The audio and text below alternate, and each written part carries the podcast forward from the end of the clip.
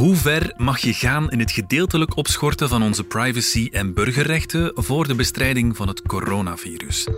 We hebben een avondklok aanvaard, de mondmaskerplicht, we mogen met niet te veel mensen samen gezien worden en dat allemaal om dat vervelende virus tegen te werken. Maar veel debat over het opschorten van onze vrijheden is er niet geweest. En hoe nobel het doel ook was, zo sluipend is de blijvende impact op onze samenleving. Of niet? Het is dinsdag 16 maart. Mijn naam is Niels de Keukelare en je luistert naar de podcast van de Standaard.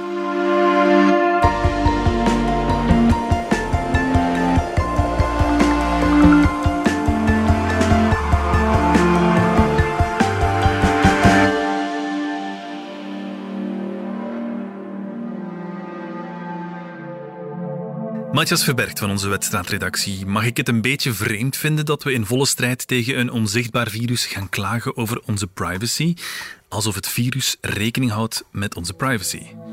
Ja, dat is inderdaad dan de reactie die je wel krijgt. Want we zitten toch in een oorlog, hè, zoals veel politici zeggen. Uh, en in een oorlog is er heel veel toegelaten. Natuurlijk is het net op zo'n momenten dat rechten en vrijheden en onze basisrechten, onze democratie ook, ja, dat het nut daarvan net bewezen wordt. Hè? Want mhm. normaal moet je op zo'n dingen geen beroep doen als alles goed gaat en als er ehm, geen vrijheden worden beperkt. Mhm. En het is net op moeilijke momenten in crisistijden dat het belang van eh, wat we mogen, kunnen en willen benadrukt wordt. En ik denk dat we dat niet uit het oog mogen verliezen. Ook al inderdaad is het een moeilijke periode en moeten mhm. er opofferingen gedaan worden wat betreft eh, onze grondrechten.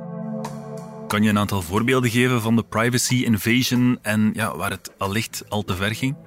Ja, ik denk dat je twee dingen hebt. Eén, je hebt de, de, algemene grondrechten die worden ingeperkt. Denk maar aan het recht om zich uh, ja, vrij te bewegen, maar ook het recht om, om samen te komen. Hè. De, de verenigingsvrijheid, de vrijheid van meningsuiting door manifestaties die verboden waren toch een lange tijd.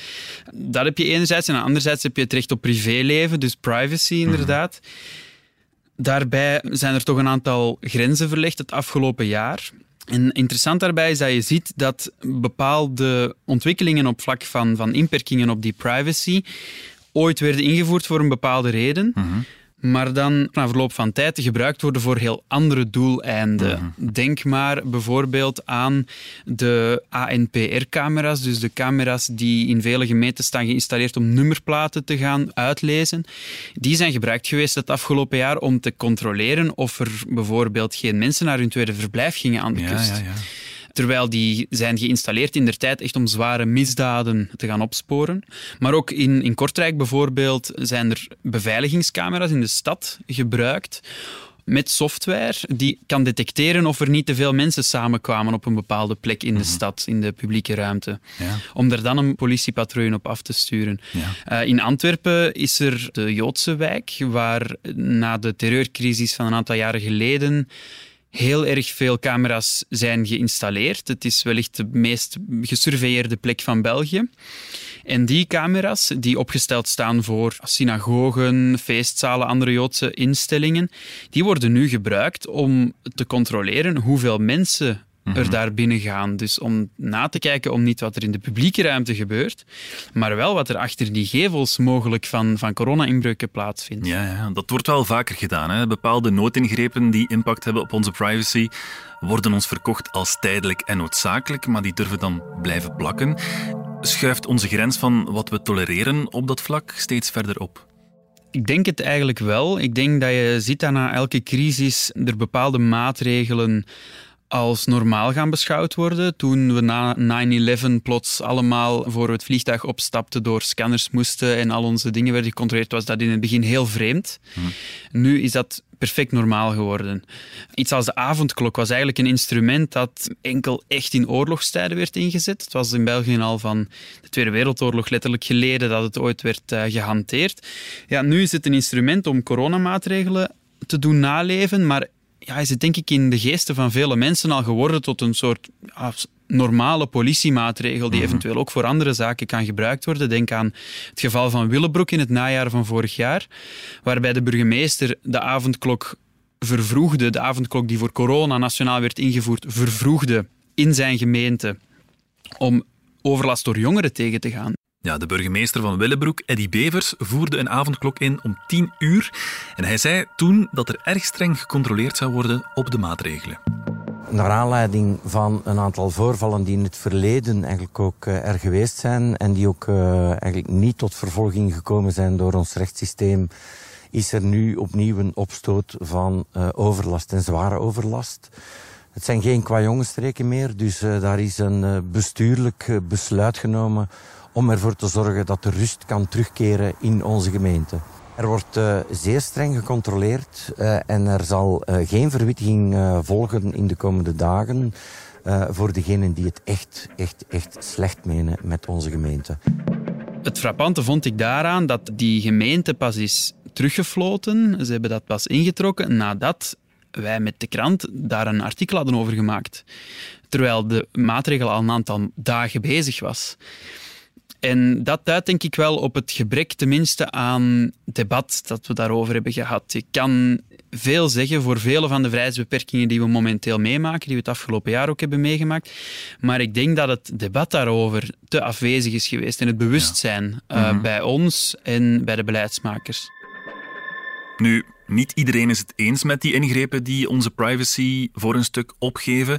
In ons land zijn al verschillende drukkingsgroepen en individuen naar de Raad van State gestapt tegen de maatregelen. Maar zij kwamen van een koude kermis thuis. Premier Alexander De Croo had het er onlangs ook nog over in de Kamer. Het is al meermaals, uh, meermaals aangehaald. Uh, meermaals aanvaard door de Raad van State dat deze dubbele wettelijke basis dat dat voldoende is om ministeriële besluiten te kunnen nemen in deze uitzonderlijke omstandigheden. Ook die keren wanneer in eerste aanleg er een twijfel was geuit over deze wettelijke basis, is in beroep bevestigd dat dit wel degelijk voldoende wettelijke basis is om te kunnen, uh, te kunnen werken. Ja, dat klopt. Er zijn echt tientallen uh, procedures bij de Raad van State gestart. Urgentieprocedures, uh, waardoor de Raad van State zich vaak al binnen de dagen moet gaan uitspreken. Mm -hmm.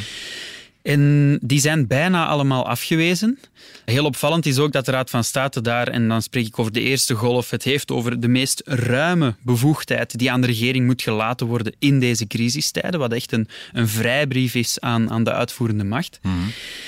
Daarna is de Raad van State wel wat strikter gaan controleren. Je hebt eigenlijk uh, in totaal tot nu toe drie gevallen gehad waarin de Raad van State wel halt heeft toegeroepen aan de regering. En dat is één, een, een lokaal prostitutieverbod in Brussel heeft de Raad van State geschorst. En dan zijn er twee nationale coronamaatregelen. Eén, de limiet die er stond op het aantal mensen dat een religieuze bijeenkomst mochten bijwonen. Een collectieve geloofsbeleving was totaal verboden. De Raad van State zei daarvan dat is een te grove inbreuk op de godsdienstvrijheid. Nu mogen er 15 mensen samenkomen. En ten tweede heeft de Raad van State ook een discriminatie vastgesteld tussen hotels die wel mochten open blijven en campings en vakantieparken anderzijds die niet mochten open blijven. En ook daar heeft de regering die maatregel moeten uh, terugdraaien. Heb je het gevoel dat daar een evolutie zit in de manier waarop de Raad van State die klachten behandelt? Ja, ik denk het wel. In het begin van de crisis is het natuurlijk niet onlogisch dat um, de regering iets meer vrijheid gegund wordt. Omdat de urgentie dan heel hoog is. Er is heel weinig tijd geweest om ja, maatregelen op maat te gaan snijden van uh, bepaalde fenomenen. Dus dat je dan meer algemene maatregelen neemt die een grotere inbreuk vormen op die rechten en vrijheden, lijkt mij logisch. Dat heeft de Raad van State ook erkend. Mm.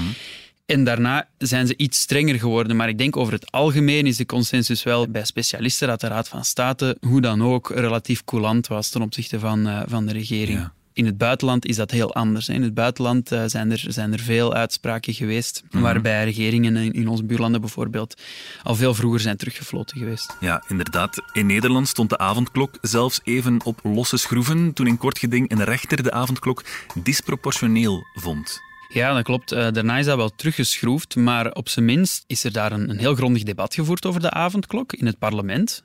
Dat is bij ons niet het geval. De regering mm. heeft dat eigenlijk uitgevaardigd zonder wet. Hè. Dat is per ministerieel besluit gebeurd. In Nederland wel. En inderdaad, in Nederland heb je dan die grote protestacties uh, gehad. Mm. Ik denk, wij moeten dit niet accepteren op geen enkele wijze. Nou. Nederland, trots en vrij. Avondklok hoort daar niet bij. Nederland, trots en vrij. Avondklok hoort daar niet bij. Dat is eigenlijk heel opvallend, omdat um, Ik wil heel even terug in de geschiedenis gaan, niet te lang, maar ehm, het is een ironische wending van de geschiedenis, omdat wij, toen België zich afscheurde van de Nederlanden in 1830 bij de Belgische Revolutie, was dat eigenlijk uit protest tegen de Nederlandse koning, die per besluit, per regeringsbesluit, allerlei limieten oplegde aan onze rechten en vrijheden. Zonder dat daar de volksvertegenwoordiging in gehoord werd. Koning Willem, die allerlei verboden oplegde. Wij hebben ons van Nederland grotendeels om die reden afgescheurd. En wat zie je vandaag? Dat eigenlijk in Nederland al die maatregelen, die inperkingen op de rechten en vrijheden per wet worden opgelegd. En dat net in België de regering op geen enkele wijze het parlement bij die besluitvorming heeft betrokken. Oké, maar Matthias, we zijn nu toch volop aan het werken aan een pandemiewet om dit soort zaken te regelen. Hè? Wat houdt die juist in? Ja, dat is waar. Eén jaar na datum zijn er nu hoorzittingen in het parlement over hoe die pandemiewet er mogelijk kan uitzien. Dus dat is natuurlijk wel rijkelijk laat.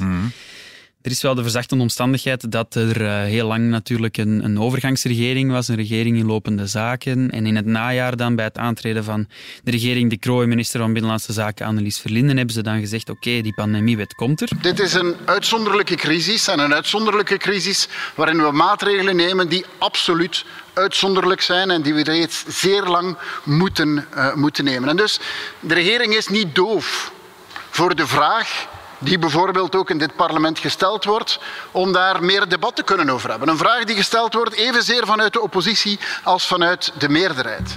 Nu, die pandemiewet verandert eigenlijk als die er komt weinig aan de huidige omstandigheden, aan de huidige maatregelen en de manier waarop ze worden genomen. Want wat zegt die pandemiewet?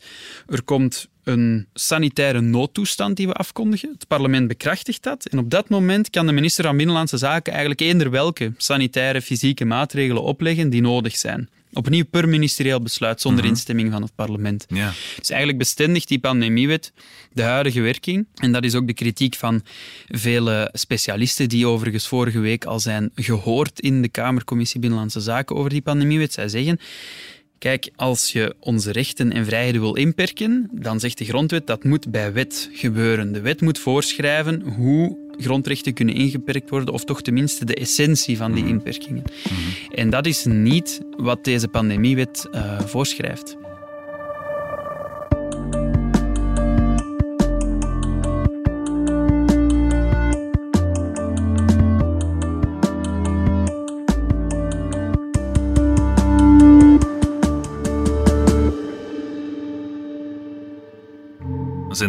Partijen die in het verzet gaan, die vinden dat het goed geweest is met al die maatregelen tegen het virus? Ja, oppositiepartij N-VA heeft zich sterk geprofileerd op dit dossier. Zij hebben ook een eigen voorstel van pandemiewet ingediend, waarbij het parlement wel bij elke vrijheidsbeperkende maatregel eh, zijn fiat moet geven. Mhm. Dat is, kan je zeggen, een oppositiepartij. Logisch dat zij daartegen zijn.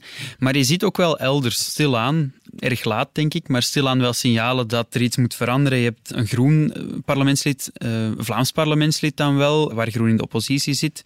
Eh, Jeremy van Eekhout, die bijvoorbeeld zegt, die avondklok, dat is eigenlijk iets dat we niet meer kunnen volhouden. Maar je hebt ook de voorzitter van MR, Georges-Louis Boucher, die zegt, die avondklok moet er zo snel mogelijk verdwijnen. En ook Egbert Lachaert, zijn Vlaamse collega van Open VLD, heeft hetzelfde al, eh, al gezegd. Maar de facto zie je wel dat de avondklok er nog steeds is. Dat minister van Justitie Vincent van Quickenborne zegt, ja, ook als de horeca open gaat na 1 mei, zouden we toch best die avondklok behouden om ja, te kunnen nagaan dat mensen na het cafébezoek rechtstreeks naar huis gaan en niet thuis feestjes verder zetten. Eh, dus dat wordt nog een, een groot debat, denk ik, Ja, ook ja, binnen ja. de regering. Mhm. Ja, de politiek is daar nu over aan het discussiëren, maar hier in België op straat merk je daar toch niet zoveel van. Nee, er zijn een aantal kleinere protesten geweest. Ehm, voor het eh, artikel dat ik schreef in het Weekblad afgelopen weekend eh, interviewde ik onder meer Hielke Heijmans. Dat is een Nederlander, maar die werkt wel voor de Belgische Gegevensbeschermingsautoriteit. Dus hij is wel goed geplaatst om die vergelijking te maken. En hij zegt, ja, kijk, in Nederland ehm, verzetten wij ons publiek. Er is een traditie om, om heel vocaal te protesteren. België of Belgen ehm, zijn op het eerste zicht gezagsgetrouwer. Eh, en gaan daarna dan wel ja, in het geheim misschien uh, regels gaan overtreden zonder Ja. daarvoor uit hun zetel te komen. Ja, we zitten in Vlaanderen intussen al aan liefst 127.505 coronaboetes voor inbreuken allerhande. Maar toch heb ik niet de indruk dat we wakker liggen van het totale plaatje. Misschien wel, maar ik denk dat we ervan wakker zouden moeten liggen. Want misschien is het vandaag geen groot probleem in België. Maar weet je wie er wakker van ligt? Dat zijn mensen in Hongkong. Die liggen van zo'n dingen wakker. Mensen in, in Syrië, in Myanmar vandaag. Maar ook dichter bij huis liggen burgers daar wakker van, denk ik. Kijk maar naar Catalonië, kijk naar Hongarije, wat toch een EU-lidstaat is. Maar ook landen als Frankrijk, waar er een noodtoestand is die toch erg veel vrijheidsbeperkingen oplegt. Dus ik denk dat we nooit die vrijheden als vanzelfsprekend moeten beschouwen, als verworven moeten beschouwen. Dat heeft het afgelopen jaar wel uitgewezen. Ja, maar als corona dan achter de rug is, wat zijn de zaken die misschien kunnen blijven hangen bij ons? Ik denk een aantal zaken. Eén, er zijn het afgelopen jaar veel camera's bij geïnstalleerd in onze gemeenten. We hebben ook een rondvraag gedaan bij de 13 Vlaamse centrumsteden en een reeks daarvan heeft extra camera's geïnstalleerd naar aanleiding van corona.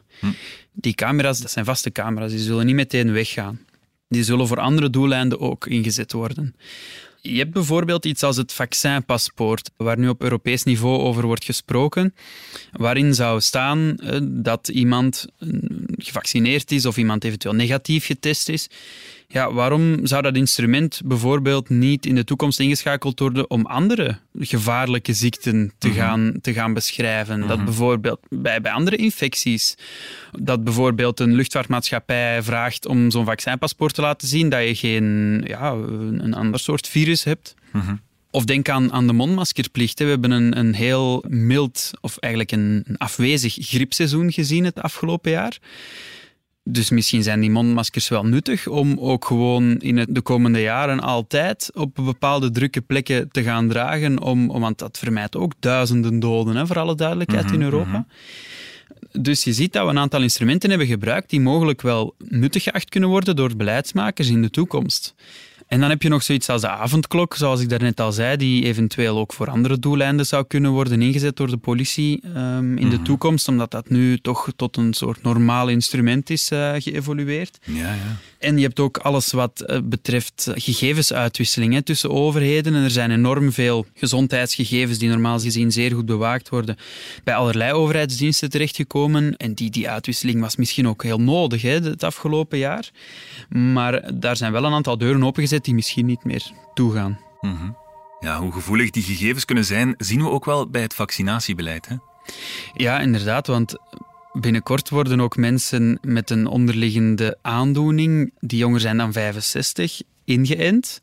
Voor hun leeftijdsgenoten dus. En zou je kunnen afleiden bij de vaccinatiecentra of bijvoorbeeld ook de werkgever, hè, die dan ziet dat zijn werknemer eh, bijvoorbeeld een enkele uren afwezig is, wie er ziek is, hè, wie, ja. wie er dus een, een onderliggende aandoening heeft. Dat heeft men dan wel opgelost door daar ook een aantal tussen aanhalingstekens gezonde mensen tussen te steken. Waardoor je nooit zeker kan zijn of iemand effectief een onderliggende aandoening heeft. Maar het duidt wel op inderdaad de, de kwetsbaarheid, de gevoeligheid van die gegevens.